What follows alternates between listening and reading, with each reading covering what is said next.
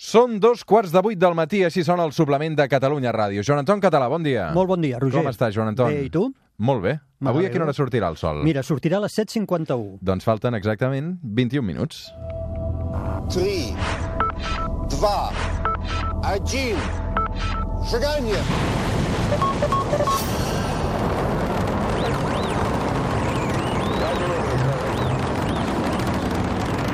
One small step for man. For mankind.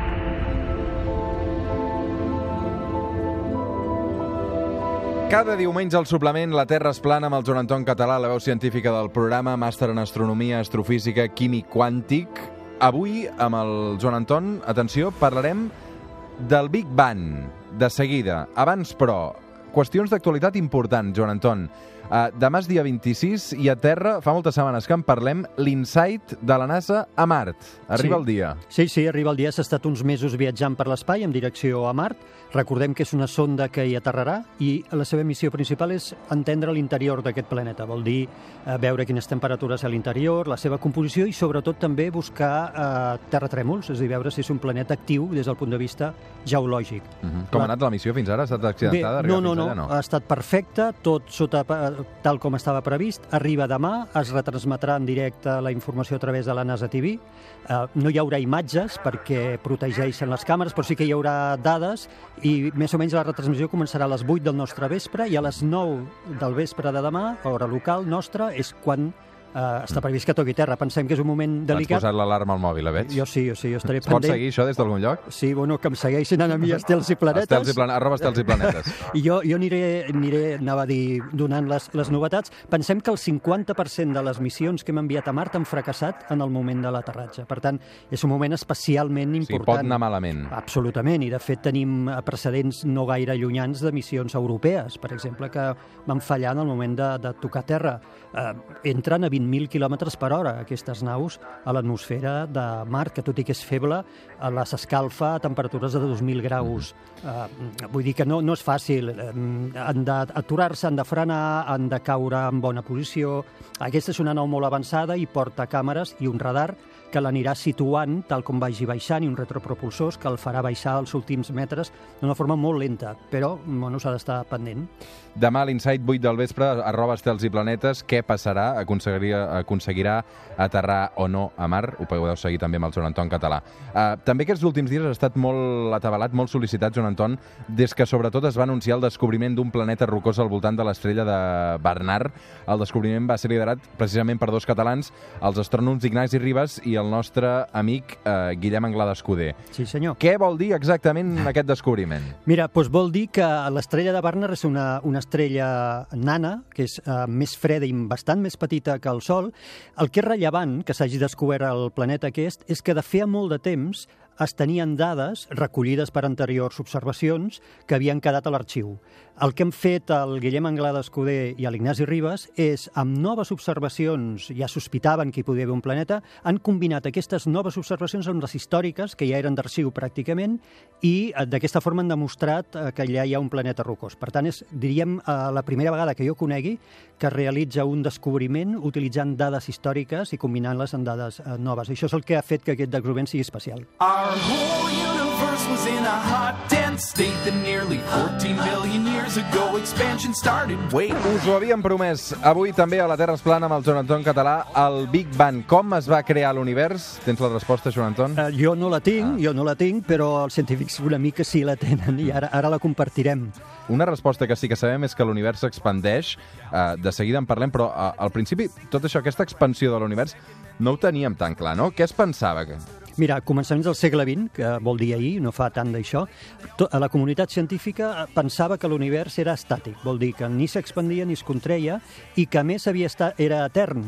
No pensaven en un començament o en un moment a zero. És més, pensaven que la nostra galàxia, la Via Làctea, era tot a l'univers. És a dir, hi ha tantes estrelles a la nostra galàxia, uns 400.000 milions, que pensaven que això ja era a l'univers. I estem incloent tots els grans científics de començaments del segle XX. Uh -huh. uh, si era una teoria exactament uh, tan acceptada, deu ser que no tenien gaire pistes de per on podia anar la cosa, no? No, tot i que n'hi havia una històrica que els amoïnava mm, des de feia uns quants anys, des de finals del segle XVIII, crec recordar, i que amb ells també els amoïnava, que s'anomena la paradoxa d'O- d'Olbers, que diu que si l'univers fos infinit i fos etern, la, la, la nit nostra ens, seria de dia. Hi havia tanta llum que ens enlluernaria. Això és perquè la llum de les estrelles, per molt llunyanes que, que siguin, s'aniria acumulant durant infinit temps que ha viscut a l'univers per arribar-nos i fer que la nostra nit fos absolutament lluenta, igual que el Sol.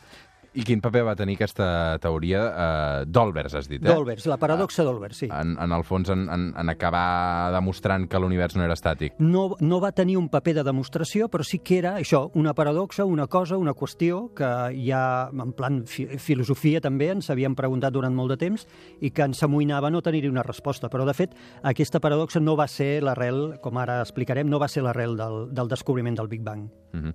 Som al Suplement, som a Catalunya Ràdio, avui amb el Joan Anton Català. Falten ja menys minuts perquè surti el sol, i mentre surt el sol avui parlem del Big Bang.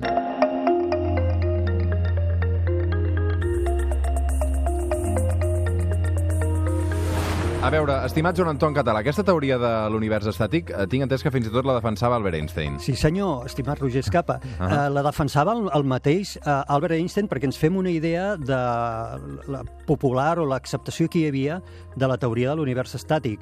Uh, era tan genial aquest home, com sabem, cap al 1917, o al 1917 uh, justament, va publicar la seva teoria de la relativitat general, que és una teoria sobre com funciona la gravetat, que de fet les fórmules seves li demostraven que això era impossible, que l'univers no podia ser estàtic, havia de ser dinàmic, uh, però tant era l'acceptació de la teoria de l'univers estàtic que ell mateix no es va creure les seves pròpies fórmules i les va domar artificialment, les va modificar perquè li donguessin com a resultat un univers feliçment estàtic. Clar, anys després, quan es va realment descobrir que l'univers s'expandia, ell va reconèixer, de fet, eh, això està recollit en una biografia i no se sap si ho va dir ell exactament, però es diu que va dir que era, havia estat la gran ceguera de la seva vida. Uh -huh. um, tothom va acceptar aquesta teoria o no? Eh, no, no, no, no, afortunadament no, i hi va haver científics que, justament amb les fórmules d'Einstein no modificades, és a dir, les naturals que ell... Quins científics? Per exemple, Georges Lemaitre Ah. era, era un clergue belga, eh, humil, ara se li està reconeixent tot aquest mèrit, fins i tot s'han canviat algunes fórmules i algunes lleis d'astronomia perquè aparegui el seu nom, que eh, en aquestes fórmules va veure que l'univers no podia ser d'estàtic. I, de fet, hi ha una anècdota divertida Explica'm-la, que és molt bona. Sí, aquesta és molt bona, que es va citar amb el mateix Einstein a Brussel·les, aprofitant que hi havia un congrés on Georges Lemaitre no hi anava, però l'Einstein sí, i es va citar amb ell en un parc de Brussel·les i li va ensenyar, diu, mira, amb les teves fórmules eh, l'univers no, no en pot ser d'estàtic. I a l'Einstein, que tenia una personalitat, sembla bastant dura, i un, un ego molt pronunciat, li va dir quelcom així com eh, les teves fórmules són correct, correctes, però la seva física és abominable.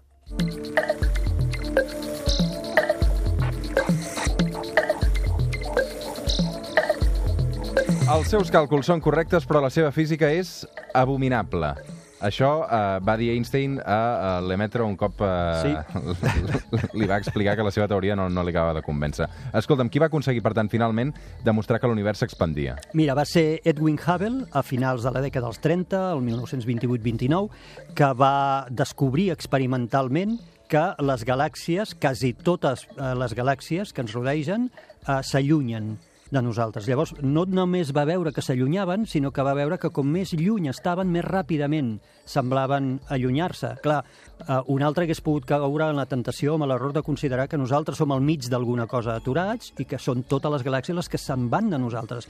Però ell va fer una aproximació correcta que va dir, segurament, si jo em situés a qualsevol de les galàxies de l'univers, veuria el mateix, que jo estic quiet i les altres s'allunyen de mi. Això va ser la prova, la primera prova de l'expansió, que a mi m'agrada explicar-la com en un globus eh, que hi pintem uns circulets de, de color uh -huh. a la goma i l'inflem, eh, aquests circulets, aquestes rodonetes de colors, van allunyant totes de totes. I tu et podries situar damunt de qualsevol d'elles i pensaries que són les de més, les que s'allunyen de tu.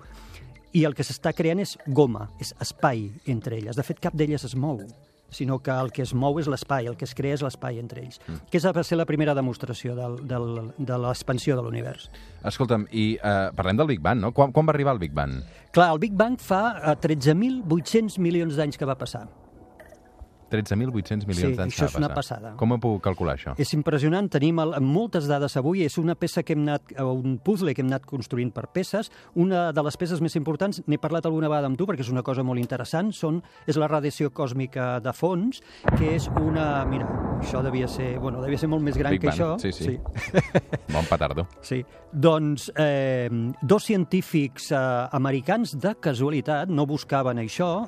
L'any 1965 eh, estaven provant una antena de telecomunicacions a prop de New Jersey, a, les- a Nova York, i el que van rebre és una interferència que els hi venia de tot arreu de l'espai. Primer van pensar que era un error, després van pensar que no fos una interferència de les ciutats, eh, però apuntessin o no apuntessin, aquesta radiació era idèntica. Hi ha l'anècdota divertida que fins i tot van revisar l'antena, que era molt gran, i van trobar unes cagadetes de colom, i van pensar que era això el que estava provocant les interferències, ho van netejar i no.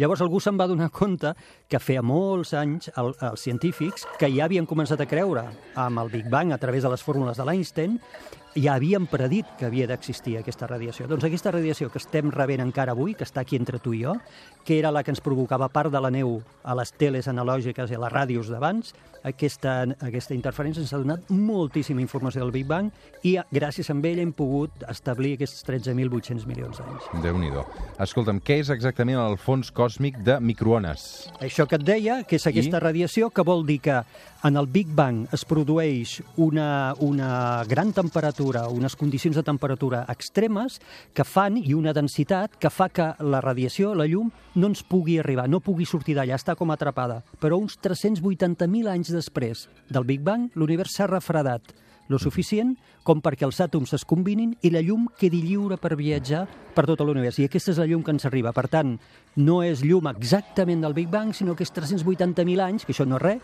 després del Big Bang. I ara ens arriba aquesta llum molt freda, en forma de microones, com els que tenim a la cuina, per entendre'ns, per escalfar els espaguetis. Podem saber com van ser els primers instants de l'univers? Sí, sí, sí. De fet, el relat que tenim avui en dia és segon a segon, més que segon a segon. És, és quasi dècima de segon a dècima de segon. Un relat increïble, un- que quan el revises de dalt avall eh, et sorprens de la nostra capacitat com a espècie de poder eh, haver esbrinat tantes coses d'un univers que ens queda tan gran i que ens queda tan, tan lluny. No? Mhm. Um, ens calen també algunes proves més sobre el sí, Big Bang? Sí, calien més proves. No n'hi havia suficient amb la prova de l'Edwin Hubble i calien més proves.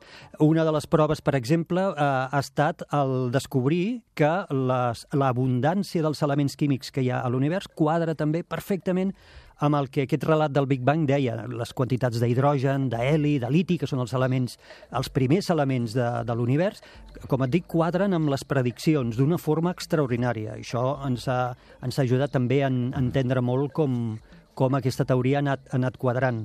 L'edat de les estrelles, per exemple, ens explica l'edat de les estrelles o de les galàxies.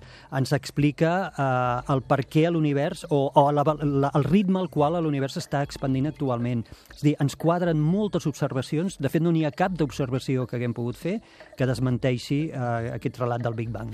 Som al Suplement, som a Catalunya Ràdio, aquest que sentiu és el Joan Anton Català, i això que sona també és La Terra és plana.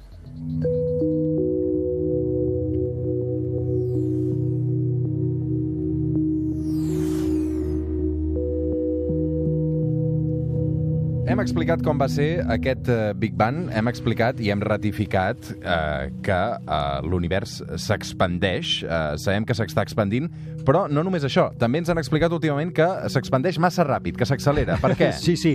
Mira, doncs va ser a final del segle passat, del segle XX, que dos grups de científics, independentment i competint entre ells, entenent competint per poder arribar a aquest resultat primer que l'altre grup, van descobrir que l'univers no només s'expandeix, sinó que ho fa cada cop més ràpid, acceleradament. Van guanyar dos Nobels, els dos grups, i això va, ens va encara donar una imatge més realista o més, més um, fidel de en quin univers vivim. I sembla que aquest globus que jo abans deia que s'inflava, que això seria l'expansió de l'univers, doncs qui sigui que estigui inflant aquest globus, que en això li hem dit energia fosca, perquè no sabem quin tipus d'energia és, doncs qui sigui que estigui inflant s'està fartant d'inflar, ha vençut la resistència de la goma del globus i el globus cada cop s'està fent més i més gran, cada cop més ràpid. Mm -hmm. Què ens queda per saber del Big Bang? moltíssimes coses. De fet, eh, abans no t'ho he dit, però el mateix nom de Big, Bang va ser el nom que va, que va inventar-se un dels grans detractors d'aquesta teoria, que era un astrofísic eh, anglès molt famós, que es deia Fred Hoyle, que eh, en un programa de la BBC de ràdio se'n va enriure de la teoria del, del Big Bang eh, dient això és com la gran explosió, i aquest nom va quallar, perquè et facis una idea de les resistències que hi havia en aquell moment, uh -huh. i per tant, el que hem anat sabent eh, a partir d'aquell- d'aquells descobriments de l'Edwin Hubble i de l'Einstein, de les fórmules de l'Einstein, ha estat poquet a poquet, poquet a poquet. Hem anat construint aquest puzzle i ens falten moltes peces. Hi ha molts forats. Per exemple, què és l'energia fosca? Per què l'univers s'expandeix acceleradament? Això no ho sabem. Els teus científics eh, col·legues que són creients, què en pensen del Big Bang? Eh, no, no, l'accepten absolutament. Avui mm, jo diria que no hi ha ningú a la comunitat científica seriosa que pugui rebatre el Big Bang. És més, si algú volgués crear una teoria que volgués enderrocar el Big Bang, ho tindria ben bé difícil, eh? eh eh, hi creuen perfectament. És a dir, clar, hi ha, encara hi ha espais per la fe, per qui vulgui tenir-la, no? Què hi havia abans del Big Bang? Qui va engegar l'expansió de l'univers, etc. És a dir, sempre pots trobar el teu espai. Sempre pots anar més enrere. Exacte. No? Uh, sabem com va començar l'univers, en principi, amb el Big Bang? Sí. Això, teòricament, fins i tot els jo hi apostaria, jo hi apostaria. Molt bé. Com acaba?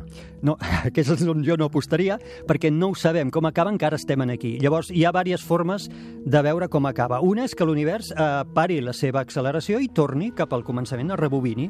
Eh, això seria el Big Crunch, que es diu en anglès, que vol dir la gran apretada. L'altre seria que l'univers segueixi expandint-se, però vagi parant, parant aquesta expansió, que seria el Big Freeze, que en diuen que tot es va refredant i va parant. Big Freeze, eh? Big Freeze, Sí, aquí, no gran hi ha, refredada. aquí no hi ha un... No, no. Però arribem a l'última, que és la... Aquesta, si jo hagués d'apostar, potser seria en aquesta, que seria el Big Rip, que seria com la gran estripada. I aquesta seria eh, una expansió accelerada, com la que estem observant ara, cada cop més ràpid, cada cop més ràpid, de forma que l'univers, que la goma del globus s'acaba estripant i tot queda molt lluny de tot i molt fred de tot. Sí, exacte. Això seria com Sí. un final bastant horrible. Això seria el Big Rip, eh? El Big Rip, que seria la gran El Big estripada... Rip de Rest in Peace, entenc, eh? Sí, de Rest in Peace tot. És a dir, allà acabarà ja tot, les galàxies, les estrelles, la matèria, la vida, tot. Mm -hmm. Som a Catalunya Ràdio, som al suplement. Sentiu el Joan Anton Català, que ara ens dirà què hi passa aquesta setmana al cel.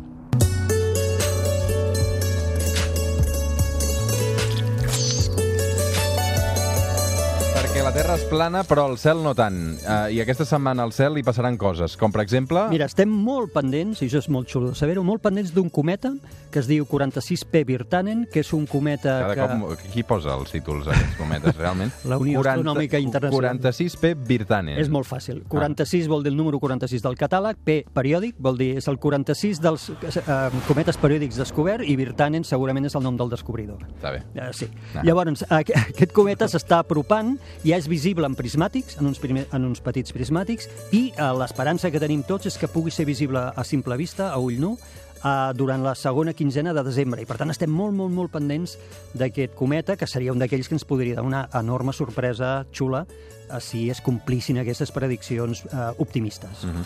Escolta'm, uh, Joan Anton, d'aquí 3 minuts uh, surt el sol. Sí, D'aquí 3 minuts exactes surt el sol. Cada dia surt una mica més tard encara, no? Exacte, perquè anem apropant-nos al solstici d'hivern, que serà eh, que és l'entrada de l'hivern, i que vol dir que el sol cada dia anirà sortint més tard fins a aquell dia. I quin dia és el solstici d'hivern Si no recordo malament, és el 21 o el 22 de de desembre. desembre, no? Normalment, Exacte. uh, que es fan les fogueres i aquestes coses. Ah, exacte. A Sabadell fem una foguera del M'ho vas solstici. dir, m'ho sí, vas sí, dir, sí, a Sabadell fem una, una foguera just al costat del riu Ripoll, la nit de... Sí, la nit del solstici. Perfecte. Um, I allà hi ha tota la humitat, però la gent s'escalfa amb, amb aquesta foguera. Uh, per tant, a partir d'aquest dia de desembre, que és el 21 o 22, uh, entenc que ja es comença a fer de dia una mica més tard. Va, No exactament, perquè eh, si Més l'òrbita... tard o més d'hora? Ara no sé si ho he dit. És que és molt complicat, Roger. Mira, si l'òrbita de la Terra fos rodona, seria això que dius. Pa- a partir d'aquell moment, cada dia sortiria el Sol una mica més d'hora, per tant el dia allargaria. Val? Però com que l'òrbita de la Terra no és rodona, és elíptica i té, per tant, té unes petites irregularitats en aquest sentit, sí que el dia comença a allargar-se, a partir del 21 sí que el dia comença a allargar-se, Però... però no exactament aquell dia el sol eh, canvia i comença a sortir més d'hora. Mhm. Per tant, hi ha uns petits dies o setmanes de, de marge o de retras amb, amb aquest tema. Si avui a Catalunya el sol surt a les 7.51, Sí? demà, o sigui, més o menys cada dia de, de decalatge quan varia? Oh, ara m'has agafat Més o menys, més o potser menys. uns 4 minuts. Quatre minuts però per dic, dia. ho dic de memòria, eh? 4, 3, 4 minuts Pot per ser, dia. pot ser Ah, perfectament. molt, molt interessant. Uh, Joan Anton, va, que surt el sol. I, I quan surt el sol, saps què vol dir el suplement? Que arriben els anuncis. Molt bé. Joan Anton, una abraçada ben Igualment, forta. Uns gràcies. anuncis i la cultura. Fins ara.